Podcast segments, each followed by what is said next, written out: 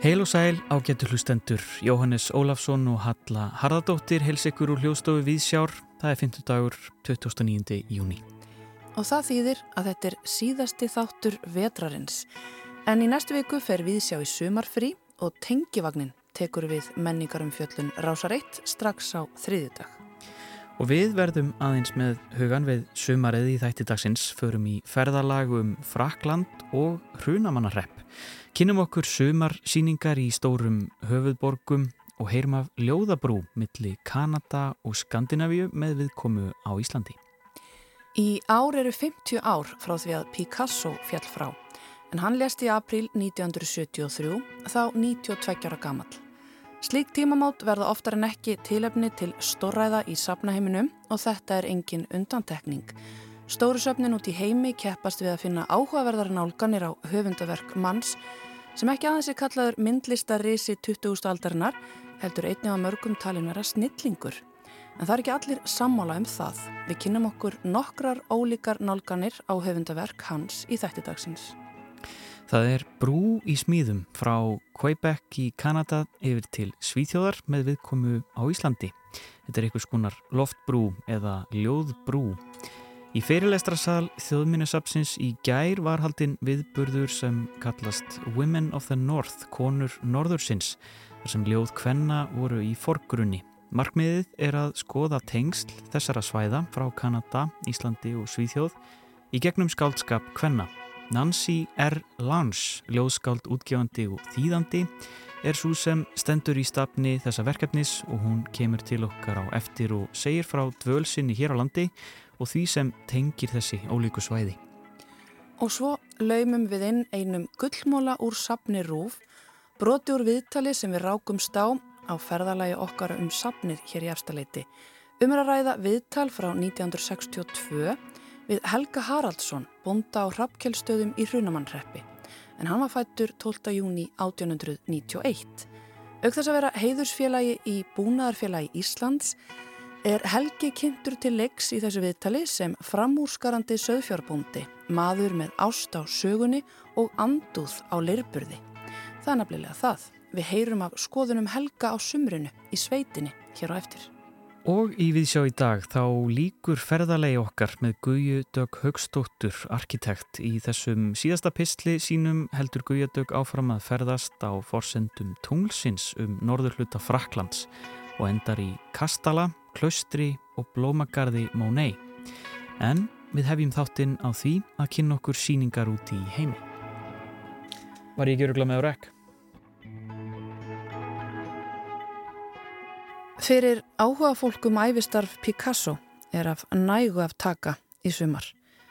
Og það er áhugavert að sjá hvernig tekið er á höfundaverki þessa risa 20. aldarinnar á hennum ímsu söpnum nú þegar 50 ár er liðin frá andlata hans.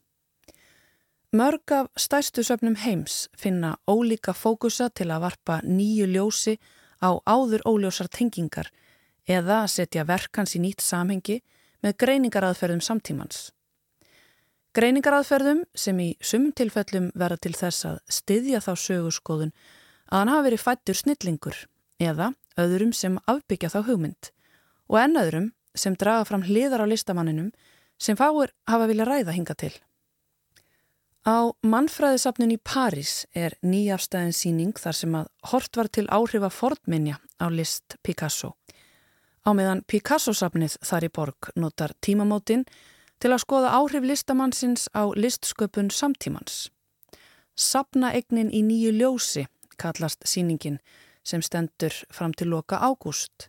Breski fatahönnurinn Paul Smith er listrætt stjórnandi síningarinnar sem tekur nokkur verk úr sapnaegn frá fjórum fyrstu áratugum 20. aldar og setur í samengi við samtíma listamenn á borð við Obi og Kikbo, Mikaleni Thomas og Seri Samba. Á Reina Sofía safnin í Madrid er eitt ár úr lífi Picasso tekið fyrir. Picasso 1906, La Gran Transformation. Það er sínt fram á með skissum og tekningum að þetta ár hafi verið mikilvægt umbreytinga ár á sköpunarferli listamannsins og þar að leiðandi mikið umbreytinga ár fyrir listasöguna alla. Hinga til og almennt hefur þetta ár verið talið marka upphafið að hennu svokallaða bleika tímabili þegar Picasso fluttist frá París og settist um hríð að í katalónska smáþorpinu Gossol. Hinnum megin við Allandsafið í Guggenheim-safninu í New York er fókusin líka á eitt ár í lífi meistarhans. Aldamóta árið 1900 þegar Picasso var ungur maður í París. Sérstök áhersla er lögð á tíu verk á pappir og eitt oljöverk, Le Moulin de la Galette, en verkið er næturstemning úr einu frægasta öldurhúsi borgarinnar. Í verkinu lýsa kertaljós upp herbergi þar sem að menn með pípuhatta dansa við konur í síðum litrikum kjólum. Mildbyrtan og hreyfingin í verkinu sína áhrif frá frönsku impressionistunum og býður upp á samanböð við aðra framúrstefnu málara sem störfuðu í sömu borg og fengu sér emitt í glas í sama dansalnum, Van Gogh, Renoir og Toulouse-Lautrec. Í sömu borg býður MoMA upp á síninguna Picasso í Fontainebleau en sömarið 1921 bjó listamæðurinn í litlu húsi í þessu þorpi rétt utan við París og let andan koma yfir sig. Meðal verka frá þessu tímabili er eitt sem oft er kent við neoklassiska tímabilið þar sem að þrjár stórgerðar konur í grískum klæðum setja að spjalli innan um grísk leirker. Á þessari síningu er einnig að finna eitt af hans þekktustu kúbísku verkum, þrýr tónlistarmenn. Rísastort verk sem minnir á upphaf kúbíska klippimyndatímabilisins og þar sem hinn ímsu formulitir með vísunum í Comedia dell'arte mynda þrjá tónlistamenn með nótur og hljóðfæri. Í svo ennöðru hverfi í sömu bandarísku borg hinum eigin við Hudson ána í Brooklyn er svo að finna eina umdeldustu Picasso síningu ársins. It's Pablo-matic, Picasso according to Hannah Gatsby sem gæti útlagst á íslensku sem þetta er Picasso flókið, Pablo Picasso með augum hönnu Gatsby. Sýningin sem opnaði dyr sínar við upphaf þessa mánadar og stendur yfir fram til loka september hefur vakið heilmikið umtal, mikla og frekar neikvæða gaggrinni og einnið tölverða reyði en á henni er höfundaverk Picasso skoðað í feminísku ljósi og þar að auki af grínista.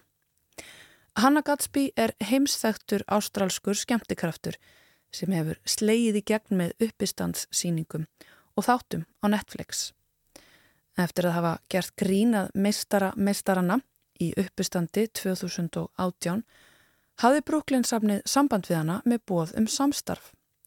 Úrvarð þessi síning sem Gatsby gerir í samstarfi við tvo þölrenda síningastjóra þær Lísu Smól og Catherine Morris.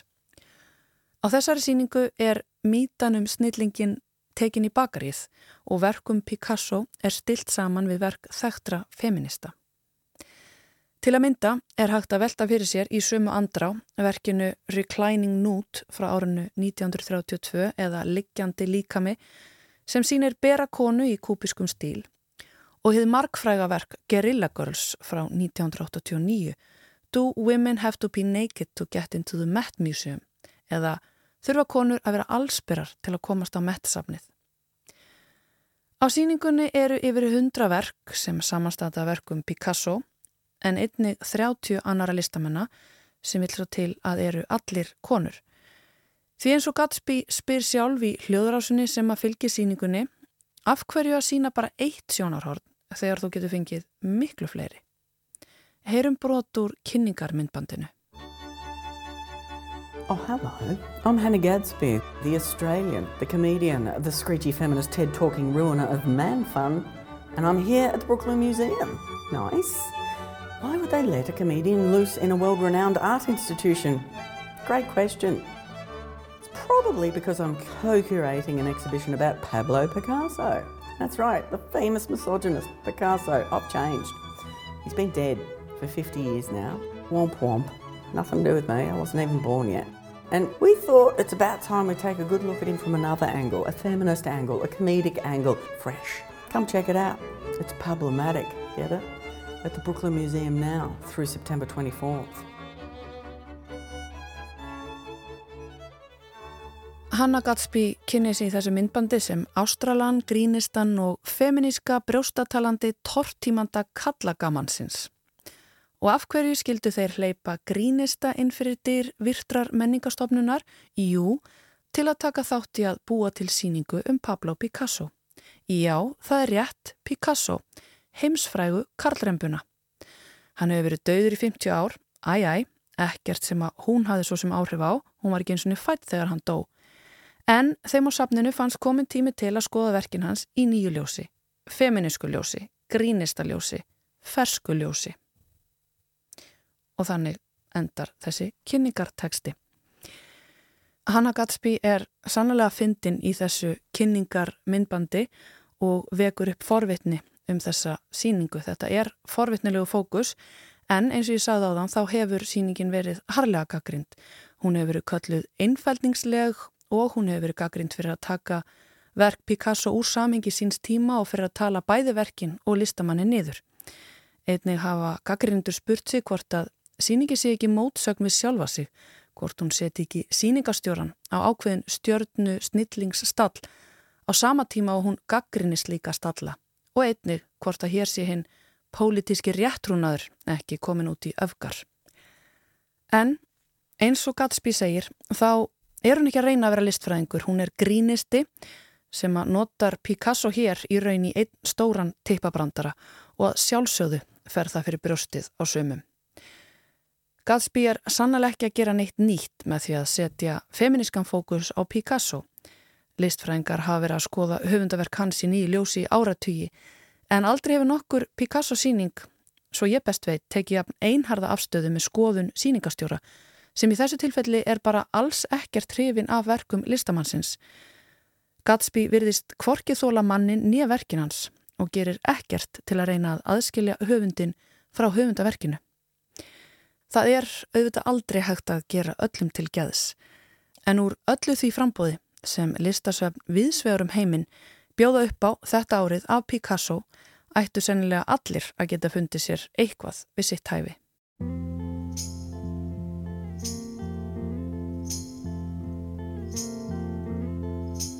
Sometimes I feel so happy. Sometimes I feel so sad. Sometimes I feel so happy. But mostly you just make me mad. Baby, you just make me mad. linger on.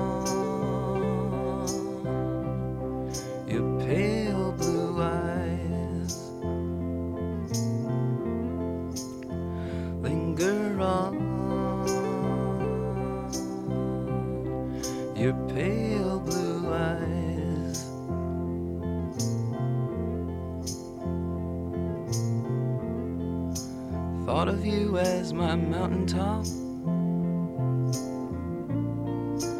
Thought of you as my peak. Thought of you as everything I've had but couldn't keep. I've had but couldn't keep.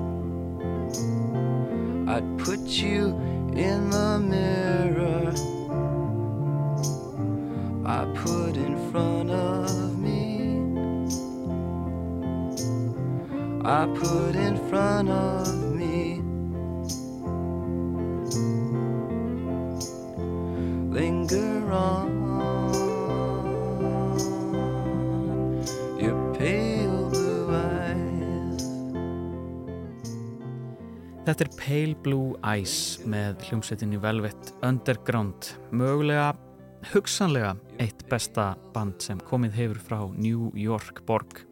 En þar er ymmið þessi umdelda Picasso síning sem Halla sagði okkur hér frá. Já, en þá ætlum við að fjalla um ljóðlist. Það er ljóðbrú í smíðum frá Kanada og Skandinavíu með viðkomu á Íslandi.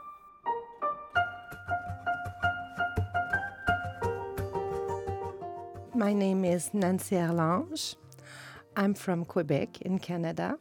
So I'm a French Canadian. My first language is French. I am a writer, a poet. I am also, I like to call myself a bridge woman because I'm a person that uh, uh, brings people together or brings different form of art together. Nancy R. Lange er frá Quebec í Kanada. Hún er frönsk-kanadísk og móðurmál hennar er franska. Hún er rithöfundur og skáld og brúar kona að eigin sögn. Því hennar starf fælst að miklu leiti í að leiða saman ólíkt fólk og ólíka list. Yes, I came, I, I created this uh, project called uh, Women of the North Alliance uh, Quebec, Iceland, Sweden. And uh, uh, the idea is to explore uh, what we have in common in those uh, three different countries, maybe more. Nancy kom hinga til Íslands í fyrra með verkefni rannsókn. Hún var þá fórseti reythöfunda sambands sem hún stopnaði fyrir sjö árum með það markmiði að tengja saman ólík skáld frá ólíkum löndum. Hún er hér á landi með annað verkefni þessu tengt sem kallast Women of the North Alliance, Quebec, Iceland, Sweden. Bandalag Kvenna í norðri, Quebec, Ísland, Svíþjóð. In the area of the Great North. Mm -hmm. But I think we are definitely nor uh, Nordic territory in Quebec. If you live there in February and you open your door in the morning and you have like a lot of snow to shovel, you think you're definitely living in a Nordic uh, territory. Mm. Nancy segir markmið verkefnisins vera að skoða hvað þessi ólíku svæði eiga sameinlegt og vonandi verða þau fleiri síðar mér. Og það í gegnum ljóðlist frá sjónarhóli Kvenna. En þegar fólk hugsa um norðrið, segir Nancy, er það gert á að hugsa um inúíta, frumbyggja, sem búa langt í norðri, hugsa um selaveiðar og hvita snjóauðn. Quebec í huga Nancy er norræn að svo mörgu leiti. Þegar maður opnar hurðina á veturna er snjór til að móka, það eru dramatísk árstíðarskipti og svo er einfallega margt í andrumslofti samfélagsins sem tengir þessa borg, þetta svæði við hið norræna. Þess vegna er rannsóknar spurning verkefni sinns og það sem dró Nancy að því hvað þýðir að vera úr norðri, hvað saminar, hvernig er að búa hérna og hvað höfum við fram að færa. To redefine what it is to live in the north and also to share uh, what it is to be a woman writer in our different Nordic countries. We are often put forward uh, as societies uh, saying that we are.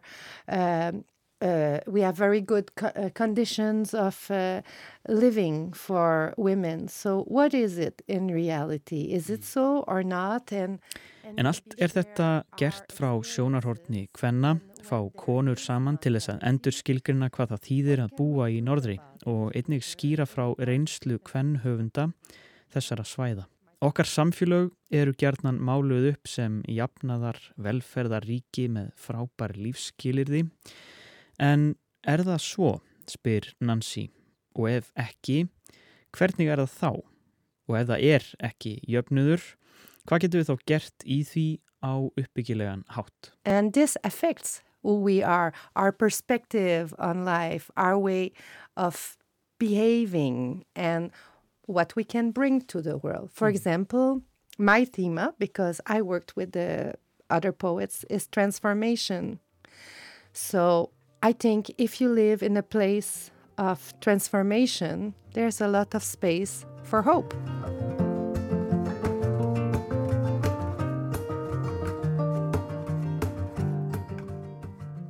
Nancy segir að dvölin í leifshúsi í Eyjafyrði hafi verið mikill innblástur fyrir hana og skáldkonunnar þrjár sem dvöldu með henni.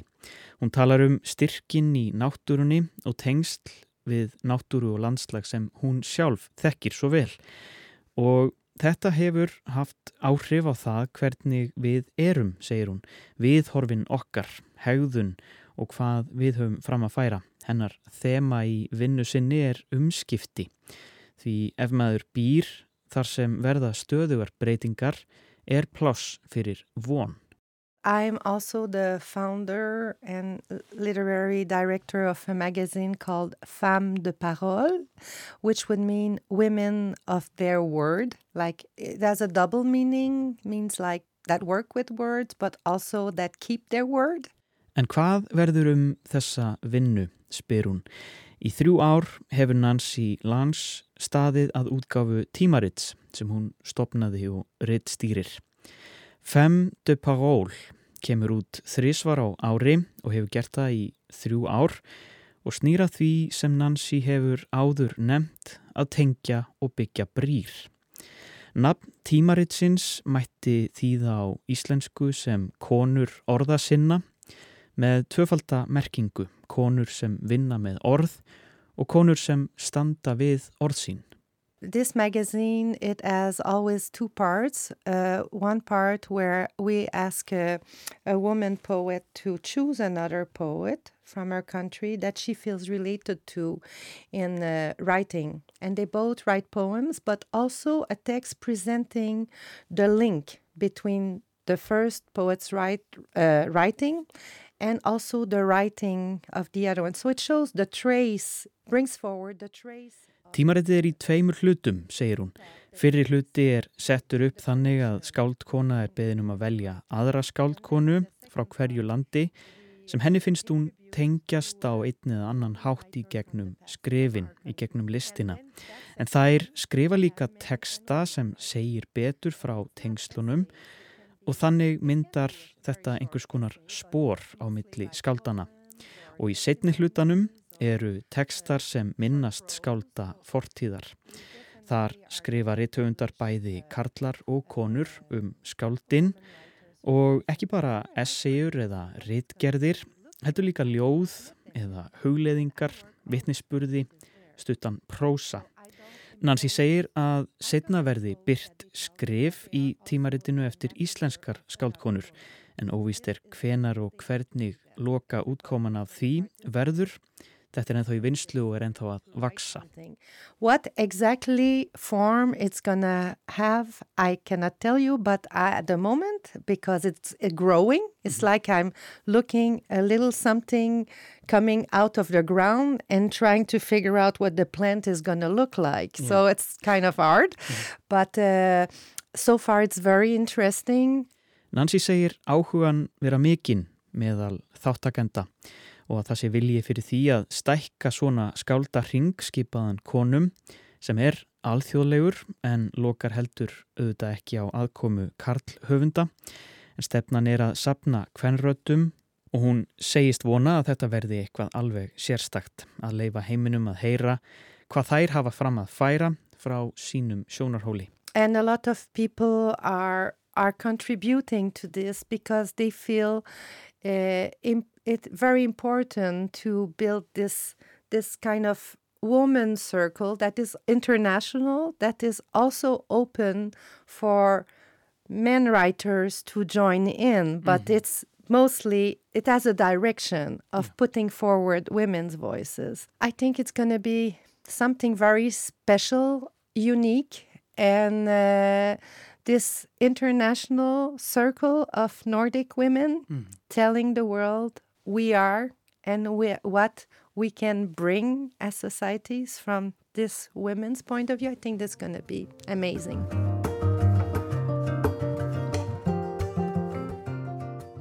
Í gær var haldinn viðburður í þjóðminjasafninu þar sem íslenskar skáldkonur lásu sín eigin verk og annara á samt þýðingum. Þar talaði Nancy Lance um mikilvægi þýðenda í svona starfi og að þýðendur séu auðvitað skáld sjálfur og að sá sem þýði sé fulltrúi eða sendiherra ljóðana sem þýtt eru og skáldsins sem ortiðau.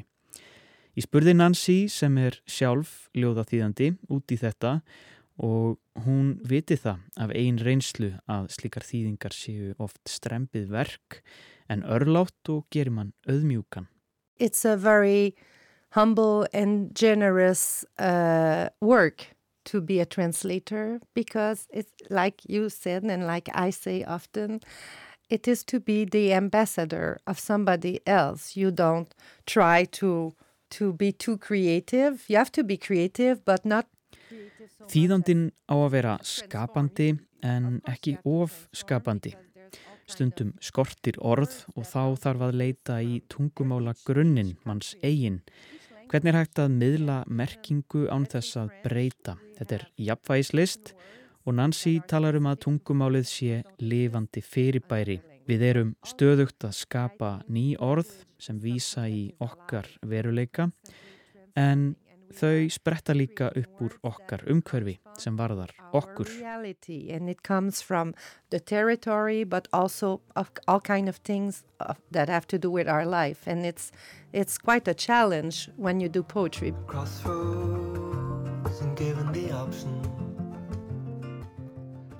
Nancy segir mér frá vinnustofu sem hún hjælt fyrir ekki svo löngu með ungum nefendum sem voru að læra um tónlist.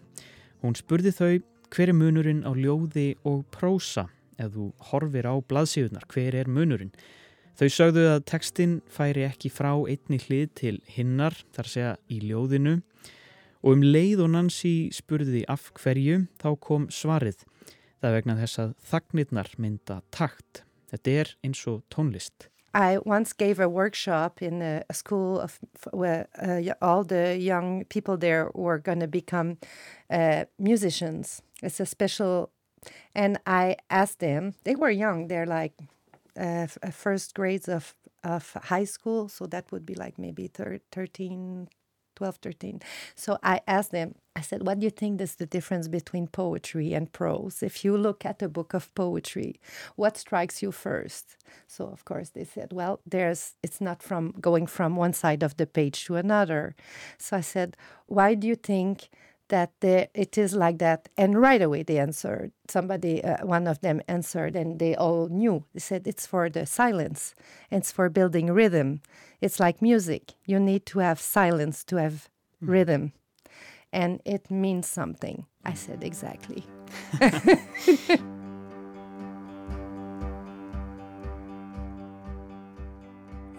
Nancy Lance, thank you so much for taking the time coming here to Vidsjau. Thank you so much for, first of all, for coming to listen to the poets yesterday and have interest for our event and for our work and uh, for inviting me here. I'm very grateful. Merci beaucoup. Don't wanna live in my father's house no more.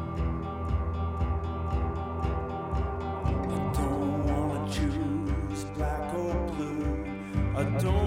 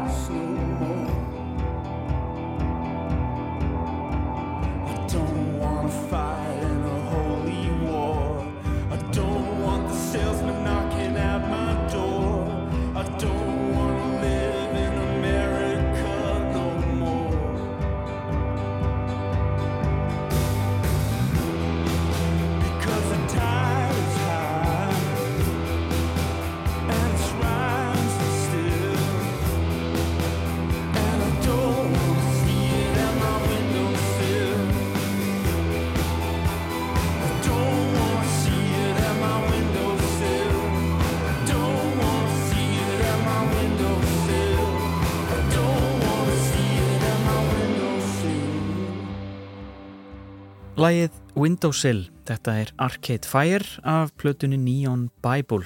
Þessar indie kempur eru auðvitað frá Quebec í Kanada eins og Nancy R. Lance sem þar á undan sagði frá ljóðaverkefninu Women of the North og hún sagði mér að það stendur til að halda skáldaresidenssíu í Quebec í haust þar sem fjórum íslenskum skáldkonum býðist að taka þátt og það er hægt að hafa samband við rítuundasambandið varandi umsókn. Og svo verða tveir viðburðir tengtir þessu verkefni fyrir áhuga söm, annars verður í Gunnarshúsi í kvöld, Norræna í, ljó, Norræna í ljóðum frá sjónarhóli Kvenna. Og svo fyrir frönskumælandi fólk þá er annar viðburður í Alliance Francais á morgun, förstu dag. Já, og talandum Frakland, Guðjadök Haugstóttir, arkitekt, hefur verið á Flandri þar og hún tekur nú við.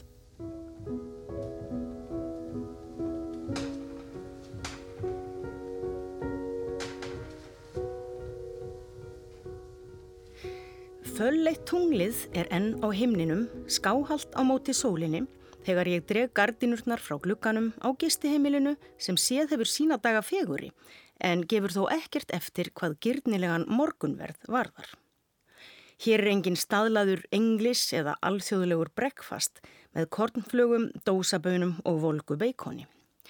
Hér er þessi stað lítið tréborð sem svignar af nýbökuðu frönsku brauðmeti frá stökku bagett eða langbrauði til sæts pann á sjoklad, súkulæðibrauðs og feits croissant, smjörhorts. Hér er gott úrval vel útlítandi og vel lyktandi osta sem ég kann ekki deili á. Hér eru ferskir ávegstir og hér er glerkanna með þeim himneskasta eplasafa sem ég hef nokkru sinni drukkið. Eplasafinn kemur eins og allt annað á borðinu, beint frá héræði, úr uppsveitum Normandi á norðvesturhortni Fraklands, sem fyrir utan það að eiga aðgang að endalöysu sjávarréttaborði skjelfisks, frútstumer, úr endalöysum leirfjörum og söldu hafi Ermarsunds til norðurs, státar einnig af frjósumu ræktarlandi inn til sveita. Blessað tunglið sem vomar undir og yfir ferðalagi mínum er þekktast fyrir að stjórna hreyfingum hafsins og hafa bein áhrif á sjávarföll, það er flóð og fjöru, með afstöðu sinni gagvart jörðinni. En ringsól tunglsins hefur svo sannarlega einnig áhrif á annað sem inniheldur vatn. Alltalað er að mannfólkið með í kringum 60% vatns innihald í líkamannum hægi sér öðruvísi á fullu tungli en nýju og tungli hefur löngum verið tengt til tilfinningar manna, drauma og innsægi. Minna er talað um að gróður jarðar láti einnig stjórnast af þessari dularfullu og heitlandi plánetu. Í tímaritinu Samtíðin frá júli 1950 er grein eftir bladamann sem er uppnömin mjög yfir því að enskir bændur og gardirkjumenn segist alltaf taka tillit til þess hvernig standi á tungli er þeir sá í gróðurlönd sín. Hann greinir frá því að þessu sé eins háttað á meginlandi Evrópu og þannig sé það almenn þekking að ávaksta tre sem gróðursett eru með nýju tungli gefi af sér þriðjungi meiri afrakstur. En hins vegar örfið það vöxt neðanjarðar, rótar ávexti og slíkt að setja niður með minkandi tungli. Ég drýf mig úr húsi og keiri stuttan spöl sem leiðlikur að klaustri eða öllu heldur því sem eftir er af klaustrinu Abaye du Beauport. Það hefur stundu verið kallað hafklaustur því það er staðsett upp af fjöruborði og nýtjar þess voru af tói sjávarfangs til japs við það sem rektað er í gróðurmold. Bóportklaustrið má reykja allt aftur til ásins 1202 þegar greifin Alain de Goello frá Penþievr ákvaða byggja myndarlegt klaustur með stóri kirkju og lítinn klausturgarð. Munkarnir syndu ekki bara sálgæslu og reglulegum tíðabænum í takt við reglulegan takt flóðs og fjöru. Heldur lögðu þeir drög að fallegum ávaksstakarði með útsýn yfir viðfeðmar leirfjörurnar og ótal tegundir epla sem þeir unnu í eftirsóttan síter. Það er gerjaðan eplasafa eða vín. Í dag eru byggingarnar að hluta til rústir einar með grasi vaksinn gólflöt innan hlaðina veggjana og glitrandi hafflöt í gegnum glerlausar glukkatóttir á gottneskum toga. Eplagarðurinn hefur hins vegar fengið ástríka umönnun samtíma gardirkjumanna sem hafa unnið að því síðustu ár að endurvekja stopna af eplatrjám úr gamla gardinum með sjálfgefum eplasortum í anda vistvætnar umhyggju. Trén eru ekki frjáls sinna ferða, frekar en munkarnir á sínum tíma. Þau eru samkvæmt gömlum hefðum bundin upp á einkennandi stóðgrind með greinarnar til tveggja átta nánast eins og Kristur á krossi. Með 600 ára tíðasöng endur ómandi í lofastórum eplunum sem eiga eftir að ná meiri þroska í saltríku andrumsloftinu á greinunum í eplagarði Abaye de Beauport. Held ég áfram ferðminni lengra og innar í land í Kastalan Chateau du Breuil í du Ágsveitinni í Calvados héræðinu sem þekktir fyrir ríkulega framleiðslu á eðal áfenginu Calvados, eplabrandi sem er á pari við viski og konjak. Kastalin á rætur að rekja 400 ár aftur í tíman og trén í risastórum gardinum sem umlikur hann eru risastór og æfa gömul. Braulkastalinn hefur í gegnum tíðina verið heimili merkilegra aðalsfjölskyldna með afar laung nöfn. En kastalinn sjálfur er ekki íkja stór þar sem hann samanstendur af tveimur ferningslaga turnbyggingum með lægri álmu á milli. Turnarnir eru nokkuð ævintýralegir að sjá með röndótt viðmót bindingsverks úr dökku eikartré, leirljósri fyllingum og bleikum þakstein á bröttu þakinu. Á þessum stað eru í dag framleitt reyðinar ósköp af Calvados og reyðinar ósköpum af eplum úr grendinni sem tappað er á enginandi flöskur með gildri snúru og rauðu vaksinsikli. Í Calvados eru notaðar alltaf hundrað mismunandi tegundir epla sem sérvalin eru úr þeim 200 tegundum sem fyrirfeinast í sveitinni því það þarf hæfilegt hlutfall af sætum, súrum og bitrum eplum til að ná eftir sóttu jafnvægi bragðs í gullgildan drikkin. Epli eru ekki bara epli. Til að rækta fram ætt epli þarf að hafa svolítið fyrir hlutunum og græða kvista af tre á rót af öðrum sem krefst töluverðarar þekkingar og heilmikillar umhyggju. Eins og með ímislegt annað í matarmenningu heimsins getur maður spurt sig hvernig hlutinir verða til, en heimildir um ræktun eplagarða og bruggun á eplavíni eru til frá áttundu öld. Heimildir eru einnig til um fyrstu eimingu á eplasafa sem rakin er til aðals herrans Sildu Gúbervill um 1550 og í fyrri heimstyrjöldinni var rákalvados nýtt í hernaðarlegum tilgangi þar sem hátt alkohólhlutfallið gagnaðist við framleiðslu springiefnis. Í dag er kalvadosinu var að leifta að jafna sig í stórum eigartunum í nokkur ár áður en þessi neitt og notið til dæmis eftir góða máltíð. Frakkar eru þekktir fyrir ást sín á mat og fyrir það hver lengi þeir sitja við matarborðin sín. Miðað við íturvaksið form listmálarans Claude Monet og stóra langborðið í eldúsinu í fallega húsinu hans í Síverní get ég mér til um að það hafi einnig átt við um hans sjálfan. En Monet fór sínar eigin leiðir við hönnun garðana tvekja sem skipulagðir voru, annars vegar blómagarðsins næst húsinu og hins vegar tjarnagarðsins fjær, því hér er formfestu franskarar garðlistar hvergi að finna en gróðurinn frekar settur niður af innsægi og lifandi flæði eða tilfinningu hans fyrir litum og lauði. Þegar Mónei kefti staðin fyrir sig og stóra fjölskyldu sína, einnig afar óhauðbundna í samsetningu, var húsið kent við stóran eplalund og síterpressu sem staðsett var á lóðinni. Árið var 1883 og hann átti á þeim rúmlega 40 árum sem hann bjó hér eftir að gjör breyta öllu svo eftir sínu eigin höfði að hann fór varla út fyrir lóðarmörkin. Líf Monet var engin dans á rósum með endur tekin áföll sem ollu honum skiljanlugu hugarvíli og þungum þöngum. Garðurinn í Síverní varð hans íhugun í leit að sálaró og því er það halv absúrt að upplifa ferðamannakösina sem enkenir staðin í dag í leitað bestu stöðunum fyrir sjálfumyndatökur og tilvistarlegri staðfestingu á félagsmeilum samtímans. Hér er allt á sínum stað, lífrænt formu tjörn með fljótandi vatnaleljum, bogadrein brú yfir dökkleitt vatnið með laufþak af bláregni, hangandi greinum grátvíðs og stórar írisililjur sem opna flóknar krónur sínar feimnislega til heimins. Gróðurinn myndar afmarkað rými í rýminu með lífrænu efni margvíslegs löfs sem verður eins og lifandi dílar af efni og af ljósblettum þegar gólan bærir greinar og stöngla varlega í sumarhittanum. Gróðurinn speiklast í kyrru vatninu svo erfitt er að greina í sundur hvað er raunverulegt og hvað er speilmynd. Allt eins og það á að vera nema vittneska mín um að það sem hér má sjá er eiginlega endurgerð á þeim gardi sem Mónei vappaði um og málaði laungum stundum í kringum aldamótin 1900.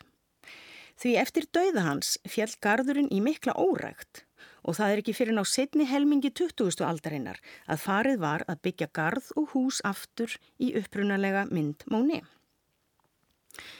Þótt það sé mikil opinberun að fá að koma hér og upplifa garð og hús, fá að stíga í fótspór þessa einstaka málara sem lagði sig fram um að mála óefniskent andrum eða tíðnina sem hann nam úr vel völdum augnablikum náttúrunar. Þá er það líka freistandi að hugsa sem svo að kannski Bara kannski hefði þetta allt átt að fá að ganga sinn veg að móna í látnum, fá að lifa sem minning eða mynd fyrir hugskottsjónum sem ímyndunaraplið blæs lífi og litum. Tveimur dögum setna er ég komin aftur til Parísarborgar. Hitin vex með degi hverjum og það er best að hæja á öllum hreyfingum, leifa hitanum og bakandi sólinni í höfðborginni að hæja á allri starfsemi líkamanns. Ég legg það þó á mig að ganga í gegnum endalöysa og formfasta malarstígana í Jardin du Tuileries að Musée de l'Orangerie, lítilli sabbyggingu í jæðri hins konunglega garðs í miðjuborgarinnar til að upplifa eitt af síðustu verkum Móni, Numfeas eða Vatnaliljur. Verkið er í raun samhangandi málverk í tveimur spóraskjölaga sölum sem umlikja þann sem á horfir gríðarstúrt verk sem Mónei ánafnaði franska ríkinu við lók fyrir heimstyrjaldar sem tákn um frið. Það er komið að lókum þessara pislasirpu minnar í Víðsjá þar sem ferðalagið hefur verið á forsendum tunglsins og ég sendi ykkur á vit íslenska sumarsins með orðum Klót Móni í von um að sólinn hafi vinningin þar sem eftir lifir sumars. Allir tala um list mína, segir Móni. Allir tala um list mína og allir þykjast skilja hana eins og það sé nöðslegt að skilja þegar allt sem þarf er að hrýfast.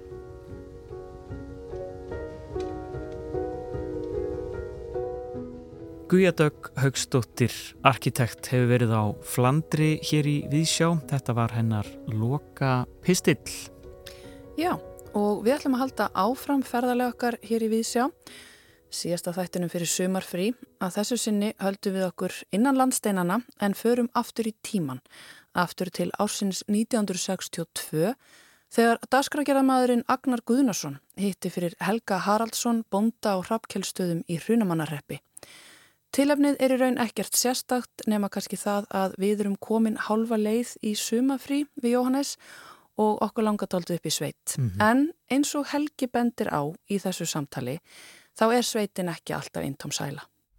Á hafgjastöðum í Hjönumarreppi býr Helgi Haraldsson. Helgi er þekktur víðunland um fyrir framúrskarandi saufabúskap, ást á sögunni og anduð á leirburði. Helgi er heiðusfélagi búnaðfélags Íslands. Við erum stattir heima hjá Helga á hafgjastöðum og ætlum að spjalla ímislegt við hann. Þegar þessi þáttur er tekinn upp á seguband er ádjóndi mæ og söðburður í fullum gangi.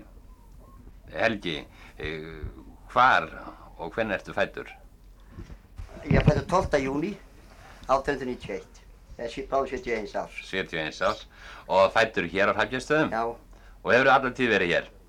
Það má heita. Nefn nefn ég var 12 ára á Hannurarskóla og eitt betur orður í Mývarsveit. Já. Og hvernig byrjar þú búskap hér? Ég veit það nú allar því að Ég bjóð með pappa mínum og það var allt í safinningu. Ég hef búinn að hafa söðfærattabú í 40 ár. Já. Nú, er ekki rétt og segir okkur eh, frá eh, búskapnum fyrr og nú. Þú vilt ekki segja okkur eitthvað, getur ekki samanburð á því? Jú, það er náttúrulega hægt. Það sem að gerst hefur, síðan ég fór að búa, það er meirinn breyting, það er bylting, það er ævintýr en það, ég, ég get sagt til, til dæmis um söðfjöð þegar fyrir 40 árum þá var þingsta ærin hérna á Hafkjörnstöðum 50 kíló. Núna voru ætnar allar, fævellar og eldri ær, 62 kíló til jafnaðar, viktar á sama tíma. Já. Uh, hvort fannst þið meira gaman að búa þá? Þegar núna svo segja að væri á sveipiðum aldrei og ég hatt frískur og fjörugur, þú var náttúrulega alltaf fjörugur. Hvort fannst þið meiri rómatík í búskapnu þá eða nú? Ég ég held að það veri meiri þá. Já. Nú er við stattir á þeim mánuði ársins sem hefur best sínt íslenskum bandum í tvo heimana af öllum mánuðum ársins á undanfarnum árum og undanfarnum öldum. Mæmánuður, hann hefur sínt okkur inn í heim sem er dásamlegur því að betur hliðinu upp á honum. Þegar léttfall lömpin þekku, leika maðurum hjá, sæl í sólskins brekku. Það er einhverja unaðslegustu stundir sem bóndin getur lifað. En hann hefur líka sínt mér hína hliðina og það óþarlega oft. Stundum hefur hann sínt mér þá hlið að það hefur komið í hugan ég, að ég óskaði þess að mætti stryka hann út úr almanækinu og senda hann til anskotans. Hann segir þessi maður að þetta var romantísku þáttur. Já, er það ekki romantíst? Það koma tveir menn sem Reykjavík á lúksusi bíl og hitta sjötugan kall langt upp í fjallum Graman og Grút sefjaðan. Já, já, það voru ekki neitt uh, afleitur að sjá svona. Ne nei. nei. Nú er þetta ekki einmitt romantík. Ég á að fara að skemta og segja fólki eitthvað skemmtilegt um voru í íslenska. Já, er ekki ímestlega að segja um það fallegt? Það er margt að segja fallegt um það. Já, við skulum taka, róma, við skulum taka romantíkina. Ég, ég skal þá segja ykkur eina þjóðsögu. Það hlýtur á romantík. Já. Þjóðsagan þessi sem ég ætla að fara með. Hún er stutt og laggóð. Hún er sjálf aldrei gerst frekar en aðra þjóðsögur.